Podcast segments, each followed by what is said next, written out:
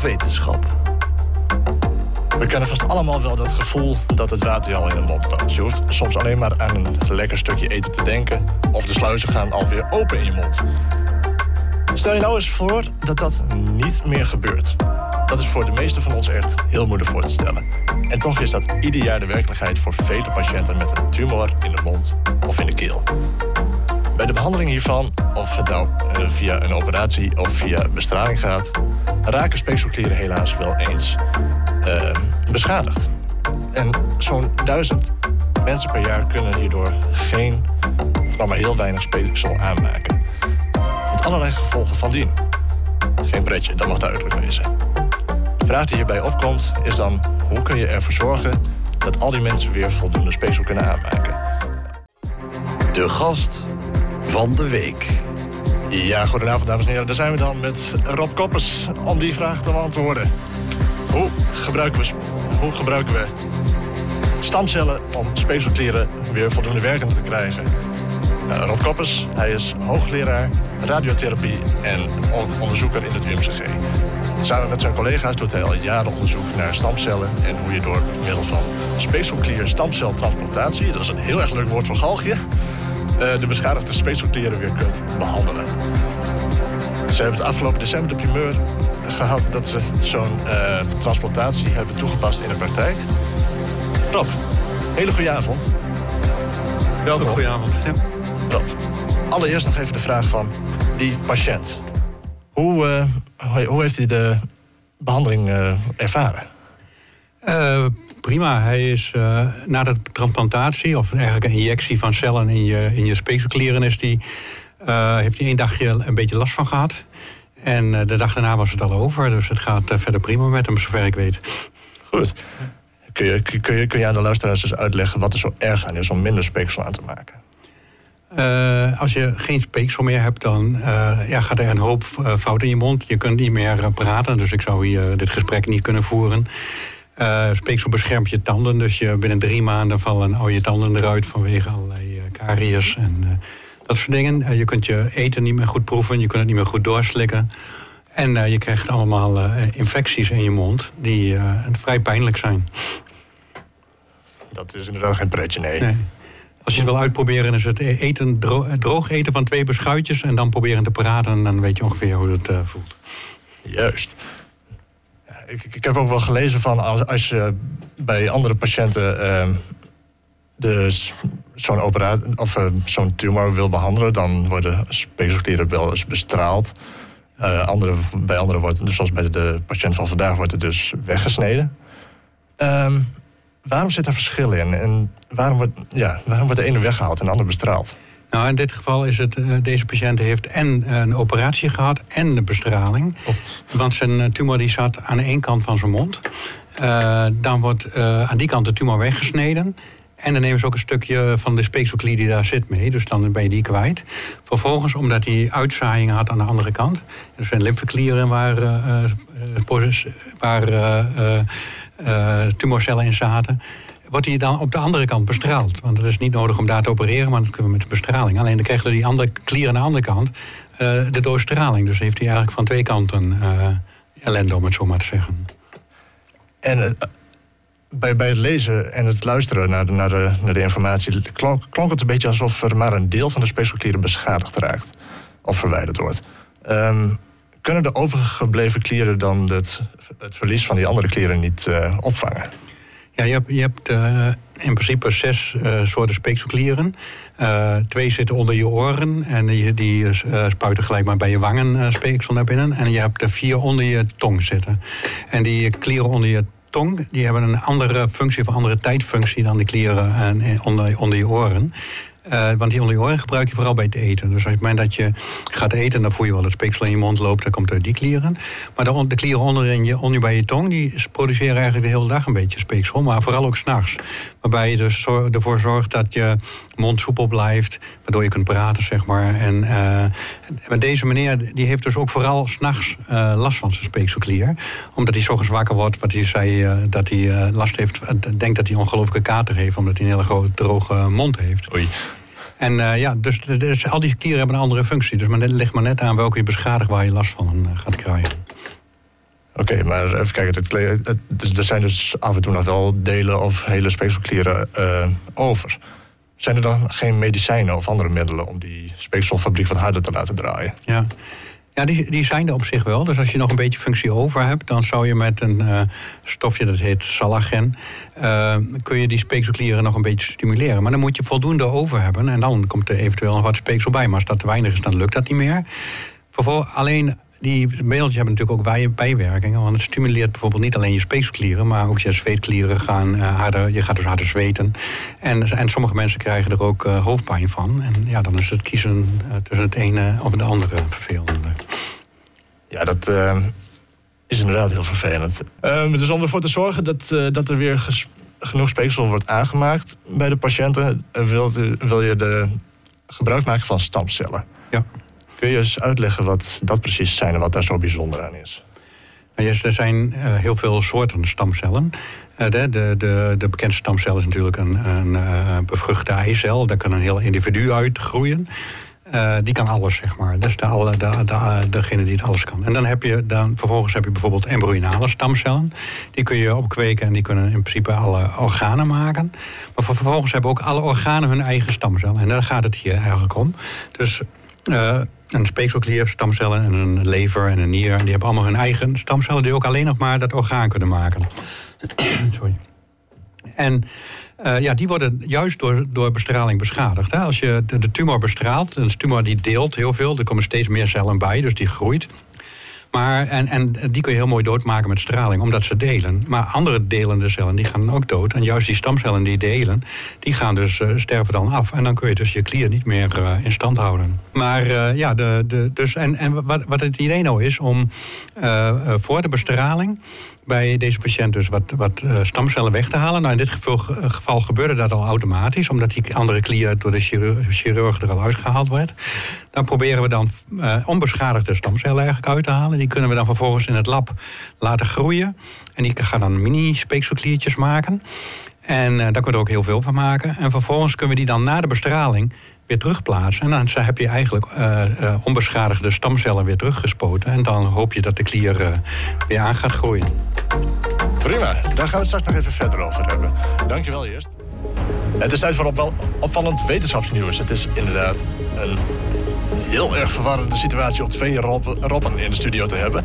Maar onze eigen redacteur Rob van der Wal is op zoek Hallo. gegaan naar bijzonder nieuws uit de Groningen wetenschap. Ja. Ik zou zeggen, Rob, steek van de wal. Dankjewel, daar ben ik. Ehm, je telefoon die kan in de toekomst misschien wel Gronings begrijpen. Want de afdeling taalonderzoek van de rug werkt namelijk aan Groningse spraaktechnologie. En in de ochtend, ochtendshow vertelt promovendus Martijn Bartels, die aan het onderzoek werkt, hoe hij dat aanpakt. Wij ontwikkelen grote ja, neurale netwerken die de structuur van taal helemaal kunnen leren. En daarvoor ehm, proberen we zeg maar, spraaktechnologie zo inclusief mogelijk te maken. Doordat zoveel mogelijk mensen natuurlijk met spraaktechnologie kunnen interacteren. En daar vallen ook dialecten en kleine Ja. talen en alles valt daaronder. Er is een eh, grote database met woorden nodig om spraaktechnologie te maken. Om de database nog groter te maken, wordt het Gronings gekoppeld aan andere talen met een vergelijkbare taalstructuur. Dat zijn bijvoorbeeld het Nederlands en het Engels. En ook kijkt Bartels naar de precieze mondbewegingen die je moet maken om Gronings te praten. Op dit moment kan de software al zo'n 70% van het gesproken Gronings herkennen. En wanneer je telefoon Gronings kan begrijpen, dat is nog niet helemaal bekend. Maar wie meer wil weten over het spraakonderzoek, die kan al wel terecht op martijnbartels.nl. Eh, niet alleen medicijnen, maar ook brood wordt te vaak weggegooid. De Partij voor de Dieren wil daarom broodvergisters gaan gebruiken in de gemeente Groningen. En met zo'n apparaat kan oud brood worden omgezet naar biogas. Dat is geschikt om op te koken. En hoe dat werkt legt gemeenteraadslid Janette Bosma van de Partij voor de Dieren afgelopen vrijdagmorgen uit in de Oog Ochtendshow. Hoe dat gebeurt is een beetje een lastig verhaal, maar brood wordt eigenlijk tot pulp gemaakt. En dan worden er micro-organismen aan toegevoegd. En die micro-organismen hebben het pulp als ware als voeding en zo wordt het omgezet naar biogas. En eh, de opbrengst valt niet tegen, want uit 1 kilo oud brood is zo'n 400 liter biogas te halen. Daarmee kan ongeveer 4 uur worden gekookt. En eh, de broodvergister wordt onder andere al in Amersfoort gebruikt, waar een wijkcentrum maaltijden bereidt op het biogas. En in het gunstigste geval eh, levert één machine genoeg gas op om acht huishoudens mee te laten koken. Dan de Metotheek in Forum Groningen. De uitleenplek voor uh, meetapparaten voor nieuwsgierige thuiswetenschappers. Uh, vorig jaar werd daar al ruim 100 keer een apparaat uitgeleend. En daarmee is de plek een succes, meldt de organisatie aan OogTV. Bij de Metotheek zijn zo'n 20 verschillende apparaten gratis te leen. En voor iedereen zit er daarmee wel wat leuks bij, vertelt medewerker Sil van Zoest. We hebben een infraroodcamera, dus zeker nu in de winter is het natuurlijk relevant dat wil kijken of je huis goed geïsoleerd is. Uh, verder hebben we uh, voor de natuur hebben we beeldcamera's, kun je dieren mee opnemen. We hebben verrekijkers, kun je het heelal mee bekijken. Uh, en we hebben ook nog voor de gezondheid hebben we CO2-meters of fijnstofmeters.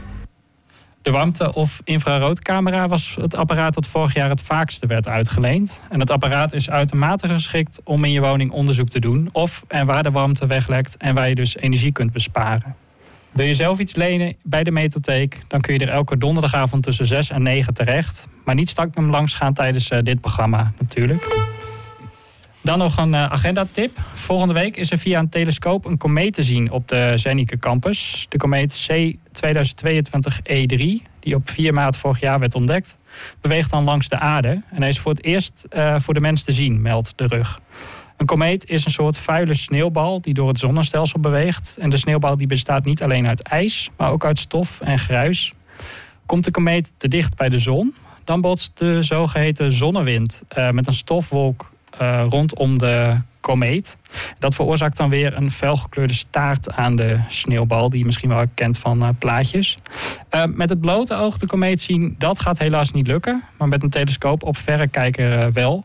En de universiteit die stelt daarom in de week van 30 januari tot en met 4 februari telescopen en verrekijkers beschikbaar. In en rond de Benoeienborg op het Zernike kun je dat zien, mits het weer het toelaat. En de exacte data en tijden, want het kan alleen gezien worden bij mooi weer. Die verschijnen nog uh, in de agenda van het Kaptein Instituut op de rug. Even googelen dus. Oog op wetenschap. Dankjewel Rob. Wij gaan verder praten met Rob Koppers over stamcellen. Even kijken hoor. Hoe kun je, hoe kun je die stamcellen nou eigenlijk uh, gebruiken om beschadigde speekselkliercellen weer erbovenop te houden? Rob, kun je misschien uitleggen nog een keer even herhalen wat je precies doet met de stamcellen. Oké. Ja, wat wij, uh, hoe we het precies doen is een beetje lastig natuurlijk. Maar goed, wat we dus proberen te doen om voor de radiotherapie een stukje van de speekselklier van een uh, patiënt uh, te bemachtigen. En dan vervolgens gaan we die klier eerst helemaal uit elkaar peuteren. Dat alle celletjes uh, losgemaakt worden. En het is een beetje zoals een huis. Hè. Dus het, een huis is gebouwd van stenen. Wat je dan moet doen is het cement tussen de stenen weghalen. En dan hou je de stenen los over. En dan kun je eventueel weer een nieuw huis bouwen. Dus dat, uh, die doen we dan. En vervolgens gaan we die uh, celletjes die we los hebben gemaakt... die gooien we in een, uh, in een, ja, een bakje met groeimedium. Dus er zitten allerlei groeifactoren in... en allerlei voedingsstoffen en zo. En dan gaan die cellen groeien. En die vormen dan op een gegeven moment een, ja, een soort mini-speekselkliertje. En die lijkt echt heel erg op, het, op, op de echte speekselklier. Alleen die is veel kleiner. En die worden hooguit een keer een, een millimeter groot ongeveer. En uh, als we daar dan voldoende, voldoende van gekweekt hebben, dan uh, halen we die weer uit elkaar. En dan maken we daar losse cellen van. En die spuiten we dan bij, uh, bij de patiënt in na de radiotherapie. In de hoop dat, dat de boel weer gerepareerd wordt. En in dit geval zijn er stamcellen uit de speekselklieren van de patiënt zelf gebruikt. Maar ja. kan het ook met willekeurige stamcellen? Uh, in principe, als je uh, stamcellen van iemand anders zou gebruiken, dan uh, heb je kans dat je afstoting krijgt. Net als bij het doneren van organen eigenlijk. En dan, dat, dat is dus niet zo'n goed plan. Dus, ehm, en zeker bij kankerpatiënten wil je geen immuunonderdrukkende middelen gebruiken zoals je nodig hebt bij, bij een orgaantransplantatie. Dus het leek ons veel beter om het met een eigen cellen te proberen. Alleen ja, dan moet je er wel op tijd bij zijn. En hoe zorg je er nou voor dat stamcellen echt uitgroeien tot nou, die speekselkliercellen? En hoe kan het dat het onderzoek dan zo lang duurt? Um, nou, het, het, is een beetje trial and error om uit te proberen welke groeifactoren je nodig hebt om de speekselkliercelletjes of speekselkliertjes van te maken. En dat, dat, dat, ja, dat betekent dus dat je uh, groeifactoren erbij gooit en die werken dan niet. Dan probeer je weer wat anders. En dan, zo ben je nog een tijdje bezig om dat uit te proberen. Vervolgens, als het dan in het laboratorium werkt, dan uh, moet je het ook nog naar de mensen brengen. En de factoren die we dan in het laboratorium gebruiken, mag je niet overal bij mensen uh, gebruiken. En dat betekent dat je weer overnieuw kunt beginnen. En uh, factoren moet gaan kopen die geschikt zijn voor menselijk gebruik. En dat betekent dat ze op een bepaalde manier gemaakt moeten worden. Die zijn ook een stuk duurder, dus daarom begin je daar ook niet mee. En dat betekent soms dat ze ook niet werken. Dan moet je weer uh, opnieuw beginnen of een alternatief bedenken. En zo ga je een paar jaar uh, ben je bezig voordat je het optimale ja, medium heet dan het optimale groeifactoren mengseltje hebt om ze echt zo te groeien dat je ook bij mensen terug mag plaatsen. Goed, en als die speekselkliercellen, die, die kleine celletjes, die organoïden, als die helemaal klaar zijn, wat is dan de volgende stap voor de patiënt? Ja, wat we doen als die, die organoïden uh, genoeg hebben, dan, dan peuteren we die organoïden weer uit elkaar, waardoor je weer losse cellen hebt. En die gaan we dan weer terug in, die, die spuit je onder, uh, ja, met echo zeg maar. Dan kun je goed zien waar de speekselklier zit en waar de afvoergangen zitten. En daar spuiten we dan die stamcellen in, want dan proberen ze op de plek te krijgen waar ze oorspronkelijk ook zitten. Dus dat is met een, met een injectienaald, spuit je die dan naar binnen. Toen we jou uh, eerder spraken, toen uh, had je het ook nogal met, met, een hele mooie analogie over, uh, over een, een, boom met druiven en dergelijke. Ah, oké, ja. ja, want in principe, een, een, een speekselklier ziet er heel erg uit als een tros druiven. Die tros druiven die maken het speeksel. En die, die scheiden dat, dan wordt het door de takjes zeg maar, afgevoerd uiteindelijk in je mond. wat straling eigenlijk doet, is, is de druiven er allemaal afplukken. En dan hou je dus je takjes over. En, en die takjes is nou net een plek waar uh, normaal gesproken de stamcellen zitten, die dus door de straling zeg maar, beschadigd zijn en uh, niet meer werken. Dus als je dan de, in, in, die takjes de stamcellen weer terugspuit, dan, heb je, uh, dan hopen we dat vanuit die takjes zeg maar, weer nieuwe druifjes gaan groeien, die je dan vervolgens weer speeksel gaan maken. Zeg het eens wel. Ja, ik vraag me eigenlijk af hoe kom je überhaupt op het idee om zo'n onderzoek op te zetten? Ja, daar gaat een uh, hele lange tijd aan vooraf en een beetje, beetje uh, nadenken en een beetje uh, toevalligheden. Ik doe al sinds, sinds 1993 ongeveer onderzoek aan die, aan die speekselklieren. En we zijn begonnen met het uittesten van middeltjes die zouden beschermen tegen de stralingsschade. En dat deden ze allemaal ook wel. Maar toen ik goed uh, keek naar wat die middelen nou precies deden, bleek het eigenlijk dat ze niet beschermden tegen de straling, maar juist uh, stimuleerden dat cellen aan gaten gingen delen. Nou, dat betekent dus als je een paar cellen over hebt, dat je dan wel een beetje verschil ziet. En uh, toen dacht ik van ja, uiteindelijk, het enige wat je moet doen, dus eigenlijk is die, die stamcellen beschermen. Dus uh, toen kwam ik op een congres toevallig iemand die een uh, raar experimentje gedaan had met uh, cellen in het ruggenmerg transplanteren. En die zag een heel klein effect. En ik dacht, nou ja, dat, misschien werkt dat in de speekselklier ook wel. Dus toen ben ik daar verder in gaan duiken. Alleen toen wisten we nog niet eens waar de stamcellen zaten in de speekselklier en wat die dingen precies waren. Dus daar hebben we een tijdje onderzoek aan gedaan, ongeveer 20 jaar. En uiteindelijk zijn we nou zover dat we ze echt kunnen gebruiken.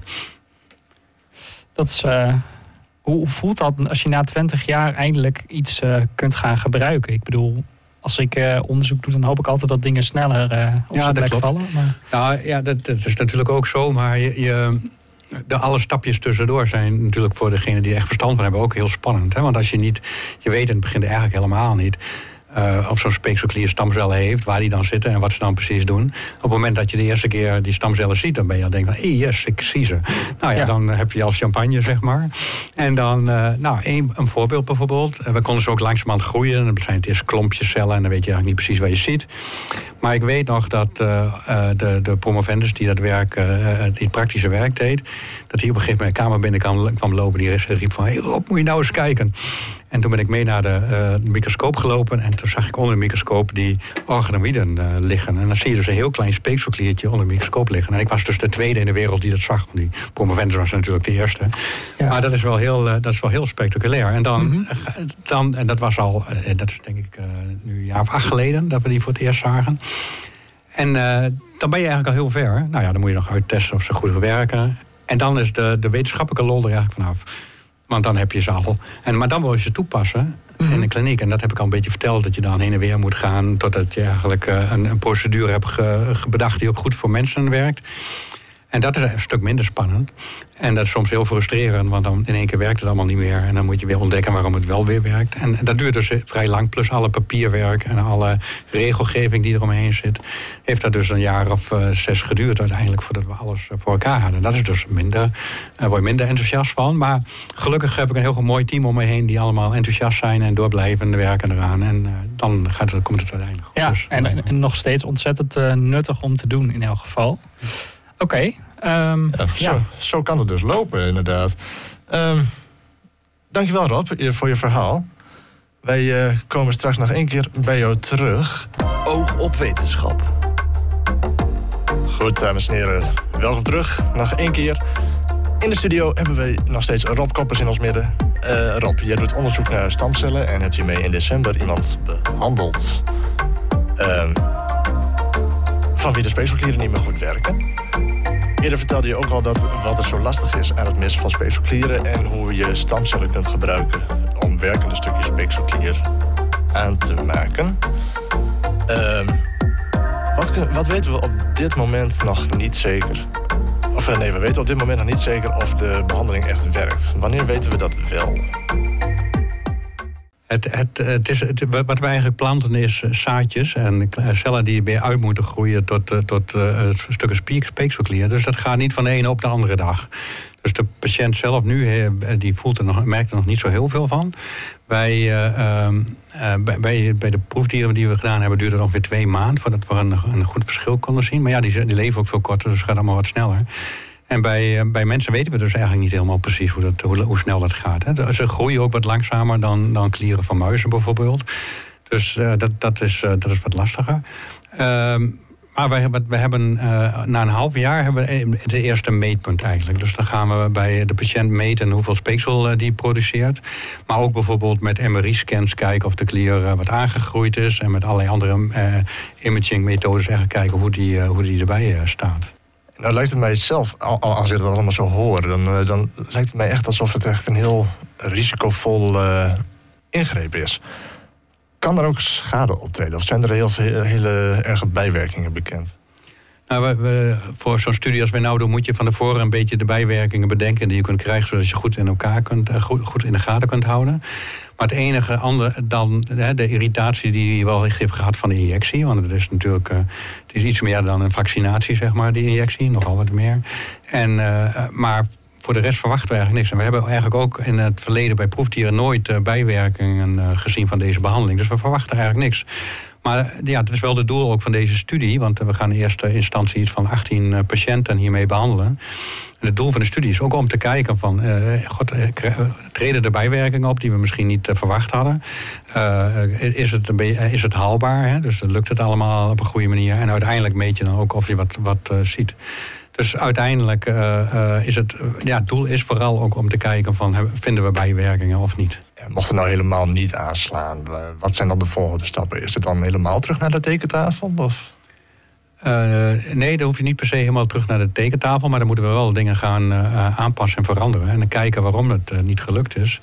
En dan kijken of je verbetering aan kunt brengen, bijvoorbeeld door meer cellen in, in te spuiten dan we nu hebben gedaan. Uh, dan moet je ook meer van die organoïden gaan kweken. Dat, dat is misschien niet ideaal, maar dat zou, dat zou je dan kunnen doen. Uh, en dan gaan we gewoon uh, ja, terug, niet helemaal naar de basis. Want we, hebben eigenlijk, we kunnen gewoon in, in, in, in het laboratorium in een bakje speekselklieren groeien. Dus dat moet uiteindelijk in die mensen ook kunnen, zou je zeggen. Dus dat is dan terug naar ja, misschien een 3D-modellering of zo, iets dergelijks. Oké, maar het hele project hoeft dus niet al helemaal overnieuw. Nee, ook, ook omdat we de basis natuurlijk ook al helemaal kant-en-klaar hebben. En uh, ja, dus zult waarschijnlijk aan de methodiek iets aan moeten passen. Misschien ergens anders injecteren. Uh, dat moeten we kijken. Nou hoorde ik een paar weken geleden op het nieuws dat er steeds meer stamceldonoren zijn. Uh, heeft dat nog voordelen voor de toekomst? Nou, dat is de verwarring die ik ook in het begin een beetje probeerde uit te leggen. Is dat uh, elk orgaan heeft zijn eigen stamcellen. En uh, de stamcellen die ze in het nieuws bedoelden zijn beenmerg of bloedvormende stamcellen. Die gebruikt worden bijvoorbeeld bij behandeling. Als mensen leukemie hebben, dan, dan maak je die leukemie kapot. Uh, met chemotherapie en met straling. Maar dan maak je in principe ook al het bloedvormende weefsel kapot. En dan kun je dus een van een donor kun je, eh, stamcellen krijgen. Maar die moeten dan wel heel erg op jou lijken. En dan, dan, dan maken die eigenlijk het bloed weer voor je aan. Eh, dat betekent, dus ondanks dat die term stamcellen genoemd is, is betekent het echt dat het alleen maar stamcellen zijn die voor het bloedvormende systeem zijn. Daar heeft, heeft die meneer met speekselklier eigenlijk helemaal niks aan. Dus dan moet je echt de speekselklieren weer van, van eh, de speekselklier zelf bemachtigen. En we hebben het nou over speekselklieren, maar ehm, kan me voor zo voorstellen dat er ook andere organen zijn die uit stamcellen kunnen maken. Nou dat heb je ook eigenlijk al verteld. Van ieder orgaan heeft zijn eigen, eh, zijn eigen stamcel. Ehm, maar wat is nou, zijn er ook be- bepaalde organen die makkelijker op te kweken of op te groeien zijn en organen die echt moeilijk zijn om te maken? Eh, nou ja, de speekselklier is niet een heel ingewikkeld eh, orgaan. Zoals een nier, die is veel, veel ingewikkelder. Want die bestaat eigenlijk uit he- heel veel eh, bloedvaatjes ook doorheen. En dat is, dat is typisch iets wat je niet in je organoïden hebt zitten. Maar in principe kunnen we van heel veel organen nu al, al organoïden groeien. De, de groepen van Hans Klevers in Utrecht heeft daar heel veel werk aan gedaan. Die hebben het ook ontdekt, deze methode. Dus bijvoorbeeld van darmen kun je goed organoïden groeien. Van maag, lever, uiteindelijk van nieren ook wel, maar dat gaat via een andere manier. Eh, zelfs van de hersenen kun je uh, organoïden groeien, groeien tegenwoordig. Dus het kan van heel veel. Alleen de ene groeit wat sneller dan de andere. En de andere ene orgaan is wat complexer dan de ander. En dat maakt het uh, veel grote verschil. Dus eh, als je mij dan vraagt van... God, kun je dan niet volgend jaar een nier uh, gaan behandelen? Dan zeg ik van...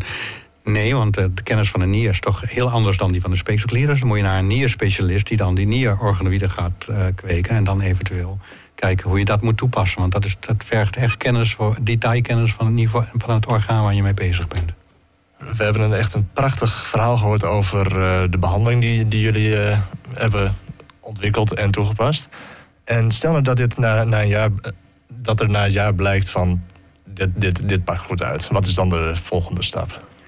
De, de studie die we nu doen, dat is maar 18 patiënten. Dat is natuurlijk niet zo heel veel. Dat betekent dat je, en dat heet dan zo'n fase 1-2-studie... dan moet je naar een fase 3-studie. En dat betekent dat je veel meer patiënten moet gaan uh, behandelen. En dan kun je bijvoorbeeld ook aan denken dat de ene groep wel de stamcellen getransplanteerd krijgt, de andere niet. Nou, dat is een beetje afhankelijk van hoe goed het werkt, of dat ethisch is, zeg maar. Maar goed, uh, dan zou je bijvoorbeeld uh, een studie moeten gaan doen waar je in verschillende centra, of in één centra, maar dan veel meer, patiënten gaat behandelen. En dan kun je dus met 18 patiënten is wat weinig om te zeggen van dit werkt wel of dit werkt niet. Dus dan moet je met een patiënt of 300 dat gaan doen. En dan ben je dus wel wat langer bezig. En dan moet je dus ook echt opschalen en, en uh, veel, meer, uh, uh, ja, veel meer patiënten gaan kweken. En dat betekent ook dat je misschien in het ziekenhuis nog wel een stukje bij moet bouwen om, om al die cellen überhaupt te kunnen kweken. Want we doen er nu ongeveer één per maand. En dan zou je er zeg maar één per week moeten doen. En dat is toch wel een heel ander verhaal. Ja, dat zijn in ieder geval mooie vooruit, vooruitzichten voor de, al die mensen die, die, deze klachten, die, die, die deze klachten krijgen. En volgens mij hebben we zo wel heel veel geleerd over uh, nieuwe stamcellen. Of oude stamcellen, nieuwe speekselklieren. Uh, en dat allemaal uit de, woorden, uit de mond van Rob Koppers. Rob, heel erg bedankt dat je vanavond hier uh, bij ons wilt aanschuiven. Ik wens je ook het allerbeste toe met het vervolg van dit project. En als dat allemaal goed uitpakt, dan hoeven inderdaad heel veel mensen geen last meer te hebben van permanent droge mond. Graag gedaan. En dan zijn we alweer aangekomen bij het einde van de eerste uitzending van Oog Beterschap. De volgende uitzending is op donderdag 9 februari. Zelfde tijd, zelfde plek. En dan is bij ons de gast Willem Vos van de Hans Hogeschool. Met hem gaan we het hebben over zijn onderzoek naar eenzaamheid onder studenten.